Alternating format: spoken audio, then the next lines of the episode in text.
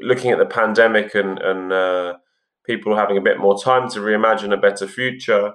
You know, now is a time to get the economy working to improve people's lives rather than sim- people simply working to improve the economy. And, and you know, the four day week has got to be at the heart of a of building back better from this pandemic, creating a better world of work than what we had before.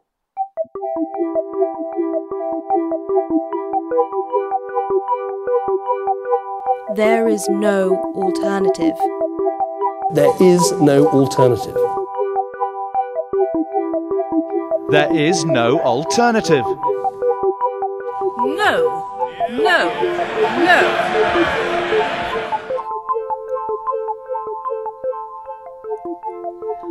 Hei, og velkommen til en ny episode av podkasten Alternativ økonomi. Denne podkasten den lager jeg, Reidun Gjengedal, sammen med Kjerstin Gjengedal. Og i dag så skal det handle om å jobbe mindre. I Norge snakker vi som regel om sekstimersdag, mens det i andre land oftere er snakk om en fire dagers arbeidsuke. Uansett så snakker vi om det samme.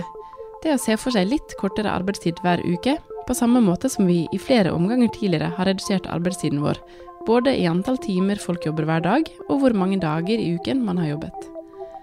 Men selv om arbeidstiden har blitt gradvis redusert opp gjennom tidene, er det likevel plutselig vanskelig for mange å se for seg at det skal være mulig i dag. I Norge så har liksom 37,5 timer blitt idealet for en arbeidsuke. Og det framstår som like selvfølgelig at vi ikke skal jobbe mindre, som at vi ikke skal jobbe mer. Men så er det jo ikke helt sånn, da. Kortere arbeidstid har vært krav fra arbeiderbevegelsen i flere omganger, og det har også vært snakk om i deler av feminismen. Det siste året har flere foreslått det som en vei ut av pandemien. Så i dag så skal vi høre om både pågående og eldre forsøk på kortere arbeidsdag, og om hvilke problem sekstimersdagen kan være med på å løse. I løpet av episoden skal vi snakke med Kristin Alsås fra forskningsstiftelsen Fafo, og med Almas Asfaha fra Bydelshagene i Oslo.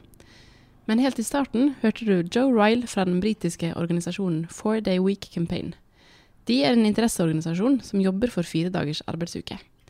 Kjerstin har snakket med han, og begynner med å spørre om hva organisasjonen er. So we're campaigning for a four-day 32 hour working week uh, with no reduction in pay for all workers in the UK. Since when? The, the campaign was set up in about 2015 um, and uh, had had a lot of success at the 2019 general election in persuading the opposition party, the Labour Party, to back a four day working week in their manifesto.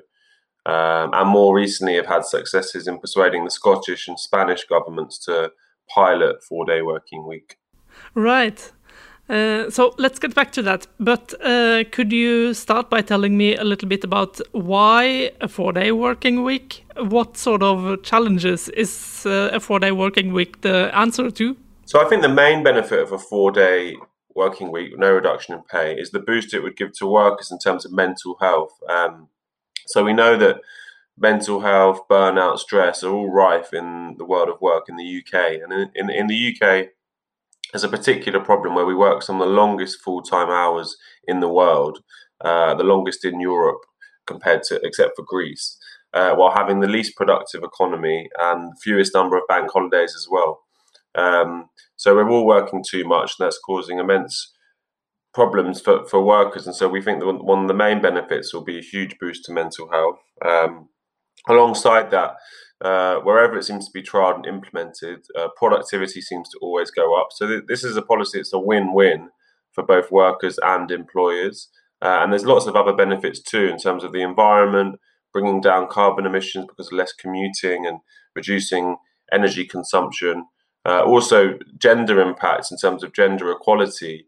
Uh, wherever the four-day week is implemented, it seems to boost gender equality because caring responsibilities, childcare responsibilities, domestic responsibilities that they're often taken up by women are then shared more equally between men and women. I see.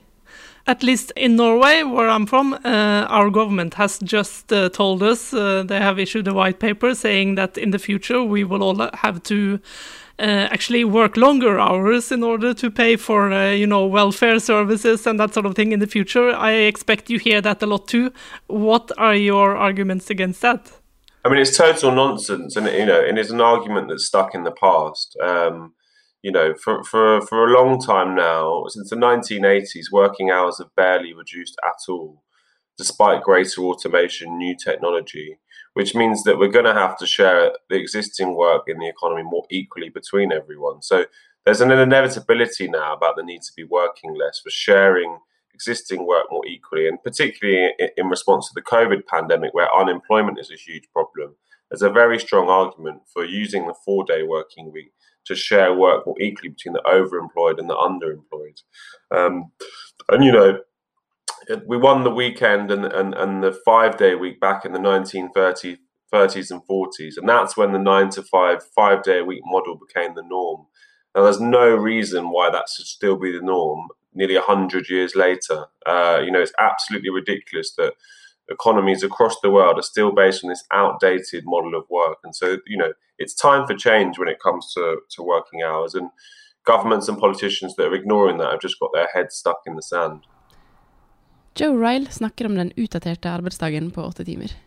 Men sekstimersdagen er heller ikke en ny tanke. Faktisk er det sånn at på det samme 30-tallet som vi fikk eh, todagershelgen, var det folk som allerede snakket om at sekstimersdagen burde være målet, og at det rett og slett var i kapitalismens ånd. Det kjente selskapet Kellogg's, de som lager cornflakes, vet du, innførte faktisk sekstimersdag i 1930. Den daværende sjefen Louis Brown bestemte seg for det, til stor interesse fra mange utenfor. Arbeidsledigheten var stor, så ved å gå fra åttetimersdag til sekstimersdag kunne han ansette flere, og dermed bidra til at flere familier i byen fikk en inntekt. Han lente seg på erfaringene til en annen kjent industrileder, nemlig Henry Ford, som da også støttet dette med kortere arbeidstid. De hadde sett at eh, kortere arbeidstid ga mer fornøyde ansatte, mindre utskifting av arbeidsstokken, færre ulykker og større produktivitet, noe som igjen ga større inntekt til firmaet. De så faktisk at dette var en måte å redde kapitalismen på. Kellogg's fortsatte med dette i tiår etter tiår, men i 1984 tok det slutt. Det gikk dårlig med selskapet, og både ledelsen og fagforeningen stemte for et forslag om åttetimersdagen, for å redde fabrikken. Men da hadde de hatt gode erfaringer lenge, og særlig damene på fabrikken holdt på at dette var en god løsning for hele familier.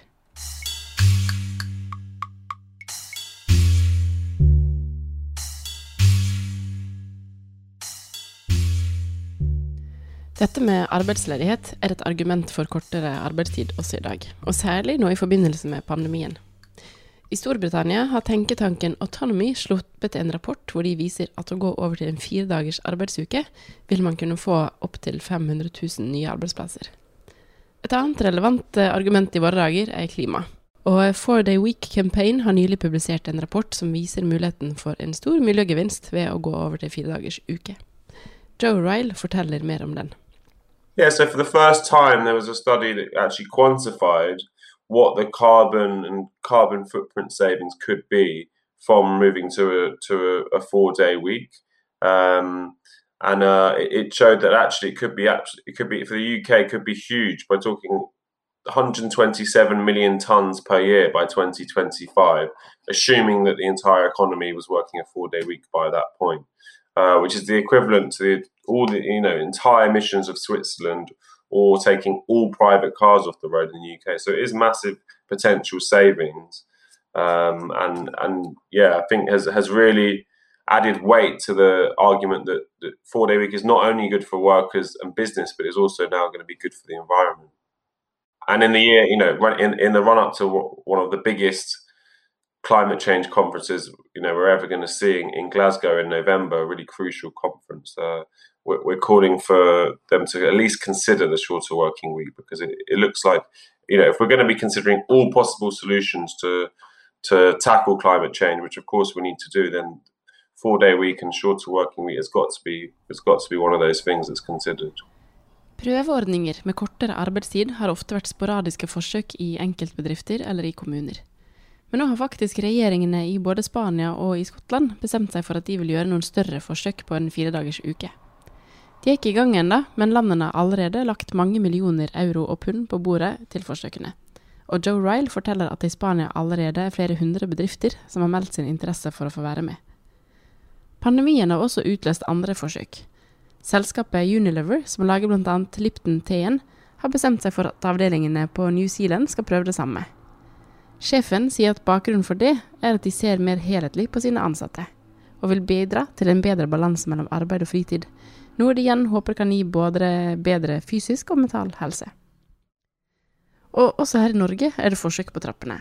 I bydelen Sagene i Oslo har bydelsutvalget forhandlet seg fram til et forsøk på sekstimersdag som en del av budsjettenigheten mellom partiene Miljøpartiet De Grønne, Rødt, SV og Arbeiderpartiet. Jeg har snakket med Almas Asfaha fra MDG, som er leder for bydelsutvalget i bydelshagene. Og jeg begynte med å spørre henne om hvorfor de har gått inn for dette. Vi, selvfølgelig fra et miljøperspektiv og likestillingsperspektiv, det samme gjelder SV og Rødt, er veldig opptatt av det. Og samtlige partier, inkludert Arbeiderpartiet, er interessert i en prøveordning. Man ønsker å se hvordan sekstimersdagen kan fungere eh, som det nye egentlig normal arbeidstid, da, for å se hva som skal til. Og vi ønsker mer kunnskap om det. Og så er det og fra et likestillingsperspektiv er det kjempeviktig at man begynner å tenke på normal arbeidstid på en annen måte også, fordi kvinner taper jo ved å jobbe deltid.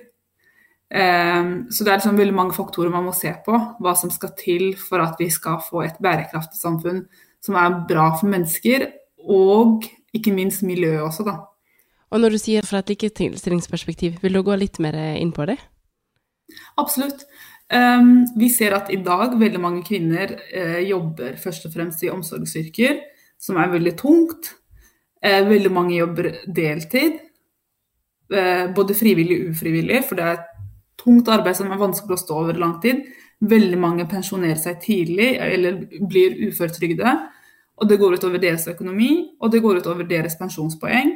I tillegg til, sant, Så man blir samfunnstaper, i tillegg til at kvinner tar også mer av omsorgsarbeidet som er ulønnet og veldig lite respektert. ikke sant? Altså jeg mener sånn, Når regjeringen ber folk om å få flere barn, så må man faen meg ha tid til barna også. Det er liksom veldig mange faktorer da, som gjør at vi har ikke et samfunn som er tilrettelagt for småbarnsforeldre, eller eh, for at man skal kunne leve et godt liv. Og eh, tidsklemme er det veldig mange som skjønner på selv folk uten barn. Så det er sånn eh, Det er veldig mange ting vi må se på om det livet vi lever i i dag, da, om det er bærekraftig også når man ser bort fra økonomien. Da. Og sykefraværet også blant kvinner er veldig høyt, og alle snakker om at kvinner må jobbe mer, lenger. Eh, vi må også lenger i arbeidslivet, men samtidig så kan ikke det være at problemet ligger bare hos kvinner, da. Så det er noe, jeg tenker det er samfunnet som har som er problemet på noen områder. Vi må se litt på strukturen i samfunnet, hva som gjør oss sykere. Dette er et uh, pilotforsøk som dere har uh, vedtatt så langt. Kan du si litt mer konkret om hvordan forsøket vil gjennomføres? Det er litt vanskelig hvordan selve pilotprosjektet skal foregå sånn teknisk. For det er veldig mange ting som må stemme, bl.a. partene i arbeidslivet, tariffavtalen som mest sannsynlig må endres på for at man skal kunne klare å ha sekstimersdag som normaltid også i et pilotprosjekt. Men jeg tenker jo det er naturlig at vi starter i en institusjon hvor man har egentlig hvor kvinner dominerer, da. Samtidig så tenker jeg at hjemmetjenesten er et veldig naturlig sted å starte, da. Men vi er jo åpne for at hvor det kan gjøres. Det vi vil er jo vi vil ha mer kunnskap uh, på hvordan dette her Altså om det er for det første nyttig, for det andre hva det koster, og konsekvensene av innføring av sekstimersdagen. Men det må også gå over nok lang tid Det at man ser faktisk Det kan ikke være et prosjekt som går på ett år eller et halvt år. Det må være lenge nok til å kunne se effekten av å ha sekstimersdag, da. Hva er det dere ser for dere at dere kan få ut av et pilotprosjekt? Jeg er jo overbevist om at uh, etter 108-timersdag så er det på tide å vurdere måter å endre arbeidslivet på som, komme, som er tilpasset dagens samfunn. Det jeg håper på, er at det viser Mest sannsynlig så jeg nesten ikke i tvil om at det kommer til å koste penger i starten, men at man klarer å se nytten av det over langtidsperspektiv, og om man kan se det i sammenheng med f.eks eh, tjenester som vi bruker velferdsstaten til, da, bl.a. Eh, hvis man jobber sekstimersdag kan man hente barna tidligere i barnehagen, da, sånn at man trenger kortere tid. Eh, sånn at barn er med foreldrene sine mer enn de er i barnehagen. Kanskje mindre utslitte barn. For eh, eldre folk mer tid med barna sine, det òg. At man vil ha mindre behov for eh, omsorgstjenester. Og ikke minst sykefravær, livskvalitet. Uh, og at man klarer å stå i arbeid lenger. Hvis vi klarer å få kvinner til å jobbe Altså Istedenfor at man pensjonerer seg som 55-åring fra sykepleieryrket, kan man holde ut til man er 65 år. Da, man jo, da bidrar man jo til velferdsstaten på andre måter også. Så det er jo å kunne klare å se sammenhengen, og om det kan overføres både på kommunenivå og etter hvert nasjonalt. Så ser jeg for meg at man må jo vurdere det på ulike måter. At uh, kanskje man starter med 20 minutters kortere arbeidstid. At det må gjøres på mange måter. Da. Jeg kan ikke se for meg at uh, kontorarbeidere som har fleksibel arbeidstidsordning, kommer til å jobbe seks timer med en gang, men at man starter kanskje de tyngste yrkene hvor folk ikke klarer å holde ut over lang tid.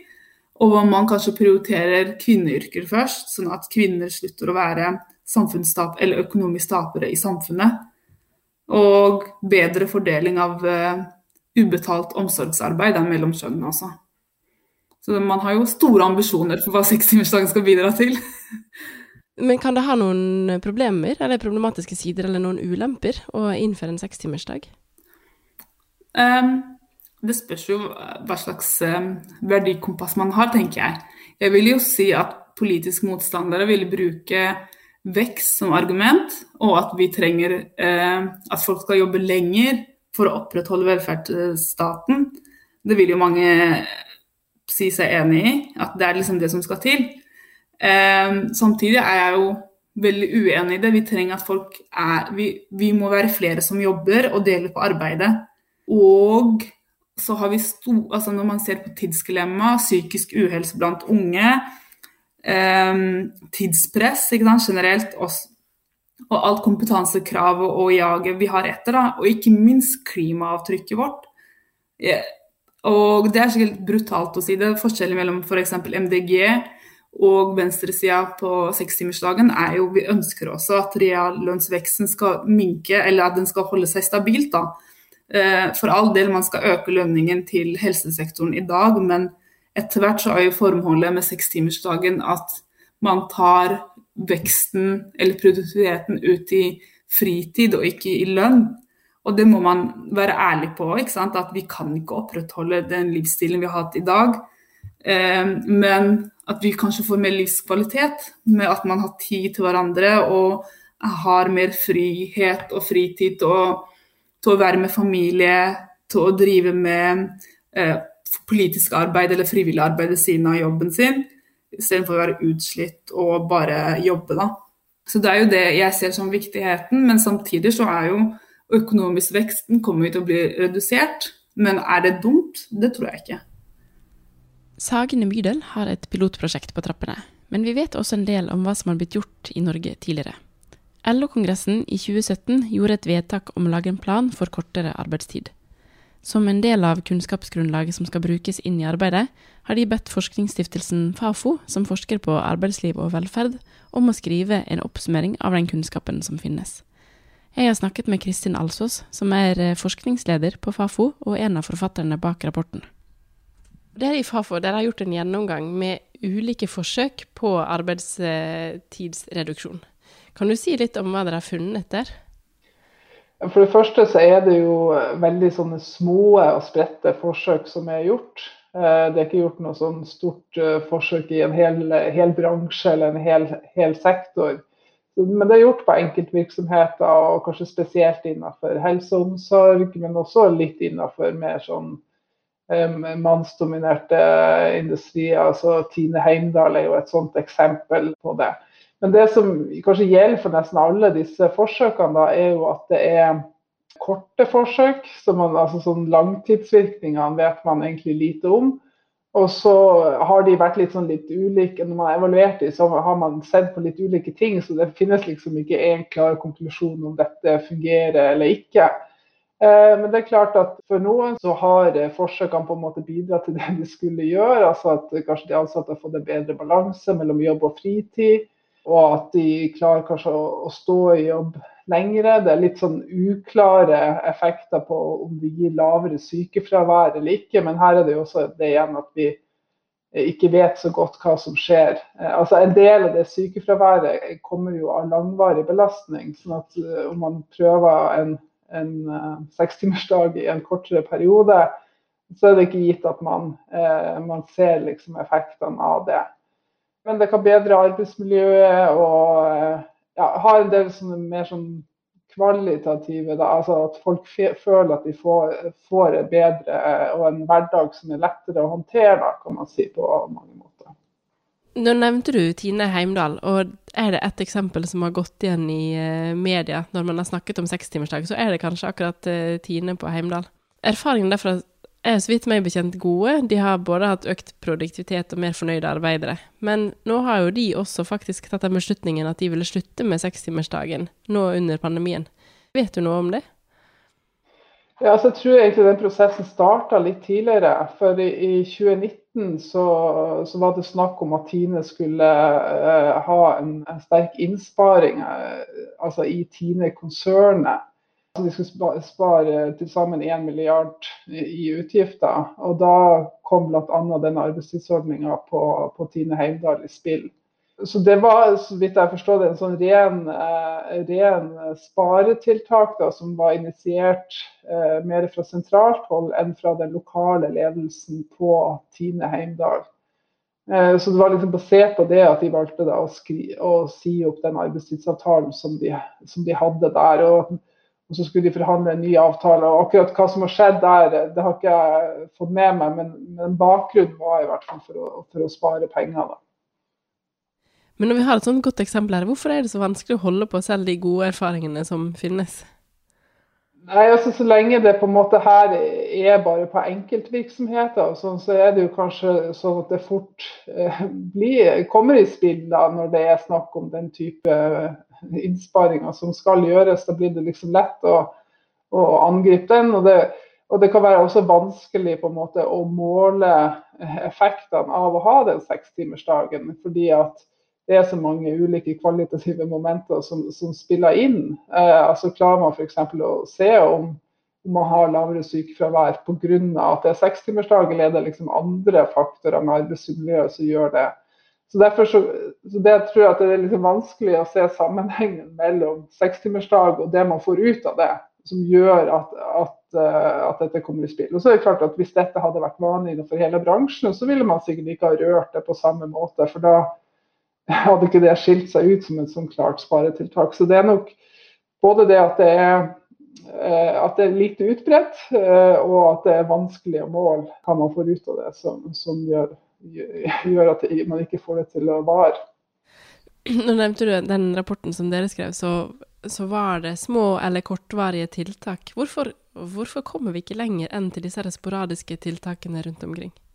For Det er noen som må finansiere det på et eller annet vis. Altså De tiltakene som har vært, har jo alle vært med lønnskompensasjon. Altså at du har fått like mye betalt selv om du har jobba eh, færre timer. Eh, og da må du jo på et eller annet vis eh, Enten så må du jo øke produktiviteten, sånn at du klarer å produsere det samme eh, selv om du, de ansatte jobber færre timer, eller så må du noen inn og, og, finansiere at det blir flere ansatte. da, At du kan betale lønn til flere. Og spesielt mange av disse forsøkene har vært i barnehage, på sykehjem og den type ting. Og der er jo det veldig sånn arbeidskraftintensivt. da. Du må ha noen på vakt, og du må ha noen til å skifte bleier på de barna osv. Så, videre. så, så selv om noen jobber kortere tid, så må du kanskje da fylle på med andre, sånn at du trenger flere ansatte. Og da er du avhengig av at det er en økonomi til det. Så Derfor så tror jeg det også har vært vanskelig å fortsette med dette over lang periode, fordi at, eh, fordi at man eh, ikke har hatt økonomi til det, rett og slett. Mitt inntrykk når jeg leste rapporten, det var at det egentlig var litt vanskelig å si, eller ja, bevise de der positive eh, sidene med arbeidstidsreduksjon. Og det er jo litt det du snakker om nå også. Samtidig så er jo de forsvarerne av sekstimersdagen framhever jo veldig mange positive sider. Eh, som at eh, det er en god måte å komme seg ut av pandemien på, at det kan redusere arbeidsledighet og være et svar på både klimakrise og tidsklemme. Er det sånn at disse positive gevinstene bare er teoretiske øvelser, mens virkeligheten viser noe annet? Jeg tror det kommer litt an på hvordan man innretter det. Og så tror jeg det som kanskje er utfordringa når man diskuterer dette i, i, norsk fagbevegelse, er jo at det er kun reduksjon med lønnskompensasjon som på en måte er på agendaen. Og det har ikke vært, snakk, har ikke vært noe særlig vilje til å snakke om at man også skal gå ned i lønn. Og da får du jo det problemet. ikke sant, at hvis du da skal skape flere arbeids... Altså Grunnen til at man skaper flere arbeidsplasser, er jo at, at noen jobber kortere, sånn at det blir arbeidsoppgaver igjen til de andre. Eh, og da, da, får du jo økte utgifter da, når du, må, når, du, må, betale eh, for å ha to i jobb. Samtidig så det jo, har det jo også i Norge ikke vært de siste årene vært noe, noe, eh, noe veldig høy arbeidsledighet. så sånn sett så har ikke denne diskusjonen om f.eks. deling av det arbeidet som finnes, har jo ikke vært noe eh, sentral i Norge de siste, de siste årene. Og nå ser det jo også ut som arbeidsledigheten går ganske raskt ned igjen som, ettersom samfunnet åpner opp. sånn at det er ikke sikkert at den diskusjonen kommer nå heller. Så en, en diskusjon av dette er kanskje mer sånn relevant inn i et sånn mer sånn bærekraft og et sånn klimatematikk. Eh, og da uten lønnskompensasjon. At, eh, fordi at hvis, hvis, de ansatte får mer lønn og mer fritid, så risikerer man jo også at forbruket eh, øker. Sånn at det ikke har i hvert fall noe, no, no, no klimaeffekt.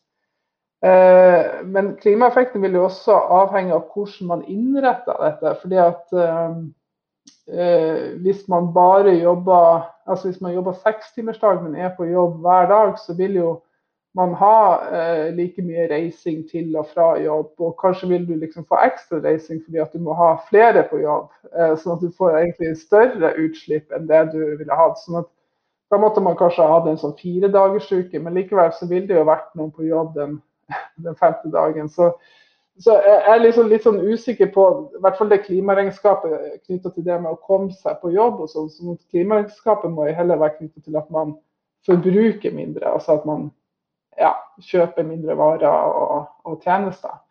Eh, og da, for, ja, da, forutsetter det kanskje at man ikke har både mye penger og mye fri.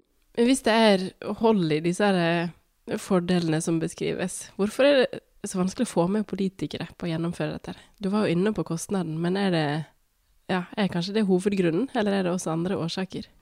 Ja, altså, jeg tror det er hovedgrunnen. rett og slett. Både det at man for så vidt har hatt litt mangel på arbeidskraft i Norge, at arbeidsmarkedet har vært pressa, men også det at det er ingen som er villig til å betale dette. Så du er liksom avhengig da kanskje at du får produktiviteten eh, til å øke, eh, sånn at, eh, sånn at man sånn sett kan trenge mindre arbeidskraft for å produsere det samme.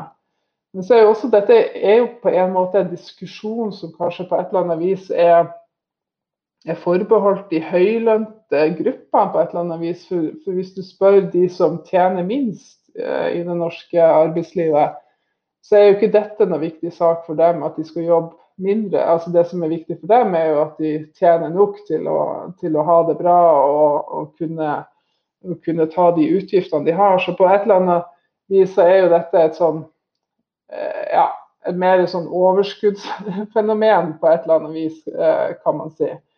Eh, I tillegg så har du jo i en del bransjer så har du liksom en del andre arbeidstidsproblemer som, som man sliter med å løse, og som de kanskje syns er langt viktigere enn å redusere arbeidstida. Det kan f.eks. være at de jobber todelt skift, ikke sant? sånn at mye av dagen de jobber litt på morgenen og litt på ettermiddagen, og så blir liksom hele dagen ødelagt, eller at de er veldig lenge hjemme fra avgangen.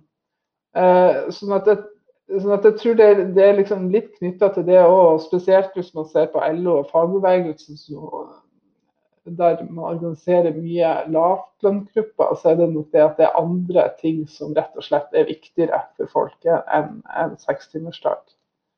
Noen vil jo kanskje reagere på at jeg sier at det er høytlønnsgruppene, for det er jo egentlig ikke bare det. altså dette dette kravet om sekstimersdag det kommer jo i stor grad fra helse- og omsorgssektoren og fra eh, sykepleiere og hjelpearbeidere og, og, de som Altså kvinner, egentlig, i, i, i disse sektorene. og er jo knytta til at der er det høy deltidsandel, og, og, det er et argument med at disse jobbene er såpass slitsomme at det er vanskelig rett og slett å stå arbeidslivet ut i såpass uh, store stillinger. da.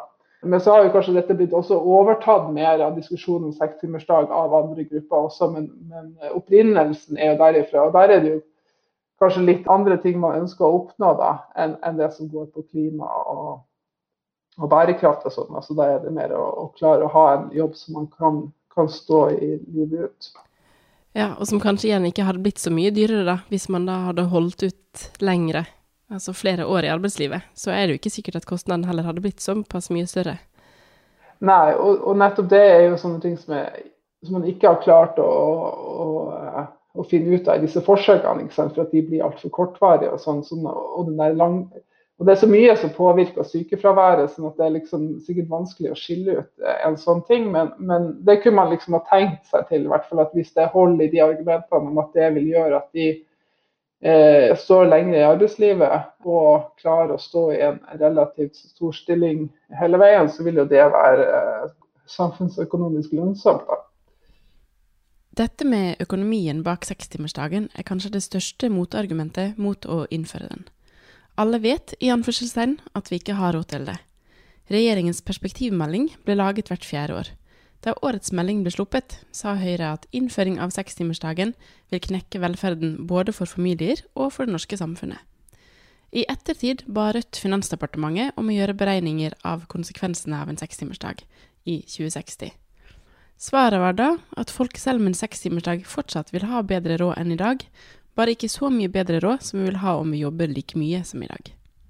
Så de forventer altså en velferdsøkning som vi kan velge å ta ut enten i kortere arbeidstid eller i høyere inntekt. Statistisk sentralbyrå fant også noe av det samme i 2008. Nå er det jo ulike syn på om man skal få samme lønn selv om man har redusert arbeidstid, men det er uansett ikke entydig at vi som samfunn ikke har råd til å innføre det.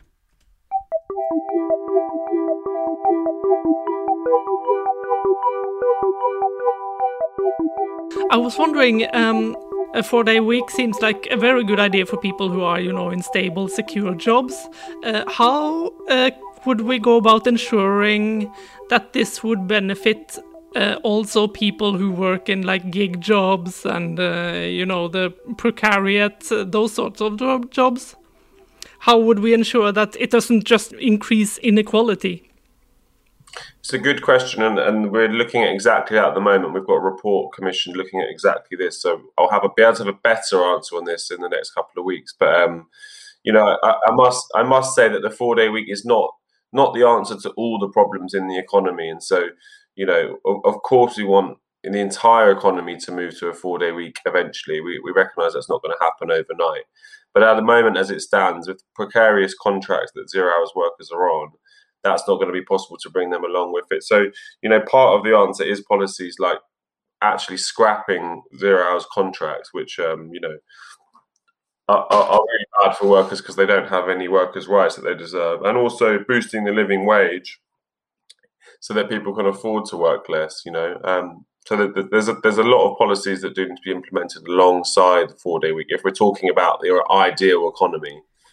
Joe Ryle i Four Day Week Campaign anerkjenner at det først og fremst er det organiserte arbeidslivet som i første omgang vil dra nytte av et nytt regelverk om kortere arbeidstid.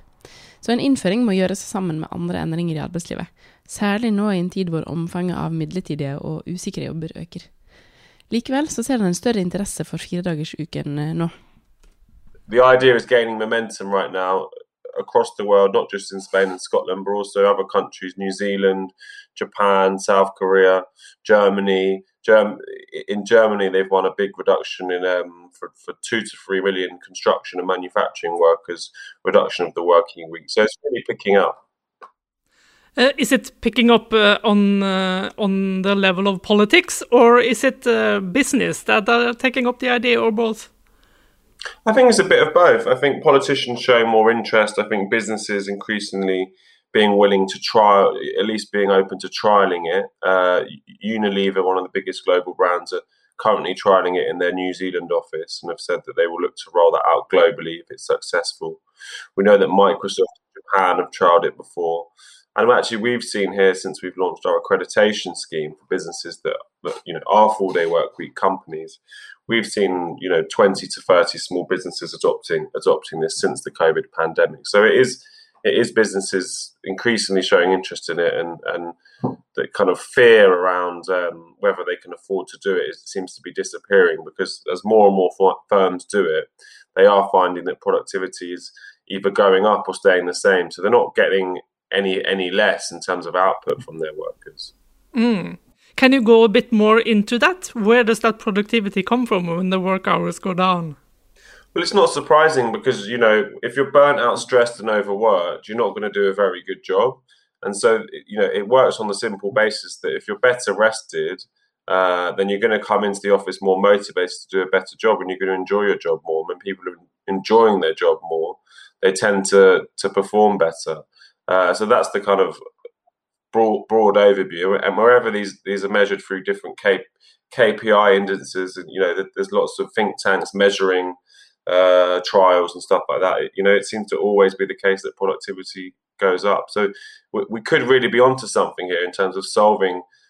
In the in the Britain's case, anyway, a really long long term issue of productivity crisis. You say there is a momentum by, behind this idea now, but I expect that you still uh, meet uh, opposition as well. Uh, where does that come from, and what kind of arguments uh, do they use? Uh, I mean, it's interesting. In increasingly, we don't hear many. We don't hear in, in the UK area much opposition uh, to the idea in terms of it, it being an ideal future scenario. There's there's lots of opposition in terms of the practicalities and when and whether people think it's realistic. And that's why we always say, why not just trial it and give it a go and see what happens? You know, we're, we're saying that as much as possible to businesses. It doesn't need to be a, a, permanent commitment. Give it a go for six months and see how it works out. Um, you know, there are some sectors, and you identified one already in terms of you know zero hour contract workers, where as it currently stands, it's quite difficult to implement there, and so that is a, that is a problem which needs addressing, which we are looking into at the moment. Um, it does feel like we're winning the argument, I must say, and and even the Conservative government here uh, seem to have relaxed their opposition to a four-day week, and and in fact, one of the schemes they introduced in response to the COVID pandemic pandemic was a shorter hours scheme. Uh, so you know, there's definitely there's definitely ground for for hope in terms of the argument seemed to be diminishing against it. Vi har uh, hørt at kortere arbeidstid skulle redde kapitalismen på 30-tallet. På 70-tallet var dette en del av feministenes kamp. Og på 80-tallet satte Kåre Willoch og høyreregjeringen ned et ekspertutvalg for å se på ulike måter å korte ned arbeidstiden vår på, hvor økonomer også da mente at dette var mulig å innføre. I dag så ser vi prøveforsøk her og der, og vi ser også en interesse for nasjonale forsøk. Men ikke minst så ser vi at det er ulike argumenter som møtes om en felles løsning, og som dermed trekker i samme retning. Noen argumenterer med klimaperspektivet, andre med familieperspektivet. Noen snakker om bedre helse, og andre igjen snakker om likestillingsspørsmål. Og atter andre legger vekt på at litt mer fritid kan gi større deltakelse på andre arenaer, sånn som frivillig arbeid og i politikken. Dette ser vi også i LO, for selv om LO ønsker å se på en mulig innføring av sekstimersdag, så varierer argumentene mellom medlemsorganisasjonene. Kristin Alsås forteller at det startet med forbund som organiserer medlemmer i typiske kvinneyrker i helse- og omsorgssektoren, sånn som Fagforbundet. Mens andre organisasjoner, som Handel og Kontor og NTL, har fulgt etter. Så tror jeg kanskje noen av disse forbundene har en litt sånn mer miljøtenkning rundt dette, mens de fleste har jeg har et ønske om å bedre balansen mellom, eh, mellom eh, arbeid og fritid. Og gjøre det mulig å, eh, å stå lenger i jobb.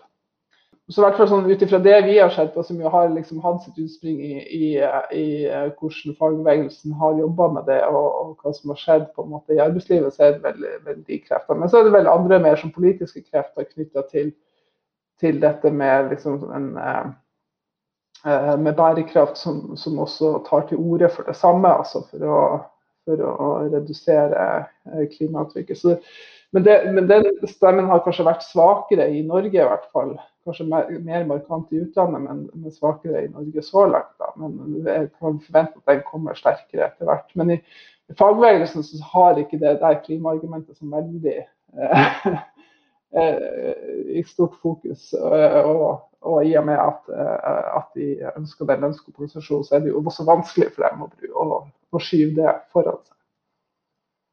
Og jeg tror Foreløpig så er kanskje frykten for at dette vil ha, slå dårligere ut for norsk økonomi, da, er større enn at det skal være en positiv effekt av det. Men samtidig så klarte man jo på et eller annet tidspunkt å gå ned fra, fra 40 til 37,5 timers uke. Og jeg vet ikke helt hvordan diskusjonene var, det, var den gangen. Men, uh, men, uh, men, man har jo redusert arbeidstida i flere omganger tidligere, da. og det har, har gått bra. Ja, vi har fått det til før. Så spørsmålet nå er hvilke allianser som trengs for å få det til i dag. Jeg spurte Almas Asfaha om hvordan dette kan bli større enn bare en bydel i Oslo. Jeg tenker Noe av det som er gøy med lokaldemokratiet, er at man får nettopp sånne tiltak som dette som man ikke ville fått på nasjonalt plan med det samme. Men ser du for deg at eh, disse fire partiene kunne gått sammen om noe sånt nasjonalt også? Absolutt, det tror jeg. I tillegg til at veldig mange i fagbevegelsen også er for sekstimersdagen.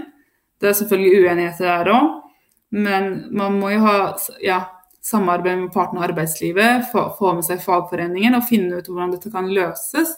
Og som jeg sa tidligere, så tror ikke jeg at målet er liksom å gå fra 37,5 timer til 30 på én gang, men at man reduserer kanskje 35 uker til 32, og etter hvert til 30. So uh, at least I'm used to thinking of you know the shortening of the working week as a cause for the left and for trade unions and that sort of thing.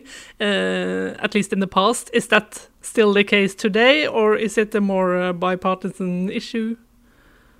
I mean, yeah. I mean, you know, the trade union movement were the were the ones that won the the weekend, and you know, they're they're they're, they're who we should thank for the weekend and the five day week that was won in the 1930s and 40s. And so, you know, that, that was a historic victory. And the trade union movement have got to, you know, to ensure that this four day week is implemented fairly and equally for everyone. The trade union movement has got to be at the heart of that transition. They are the people to do that. But I think increasingly now, you know, people are thinking actually, what's left wing about just wanting a better work life balance for everyone? I, I, don't see that as necessarily a left wing thing. I, I see that as as winning something for everyone. Um, so you know, I, I I don't necessarily think the four day week has to be viewed as a, as a left wing issue necessarily. And you know, increasingly business are recognizing that and the benefits that it can bring. But the beauty of it is that from the bottom up, businesses and trade unions and workers themselves can get on with demanding this and making this happen.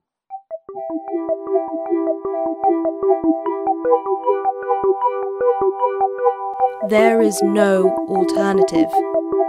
There is no alternative. There is no alternative.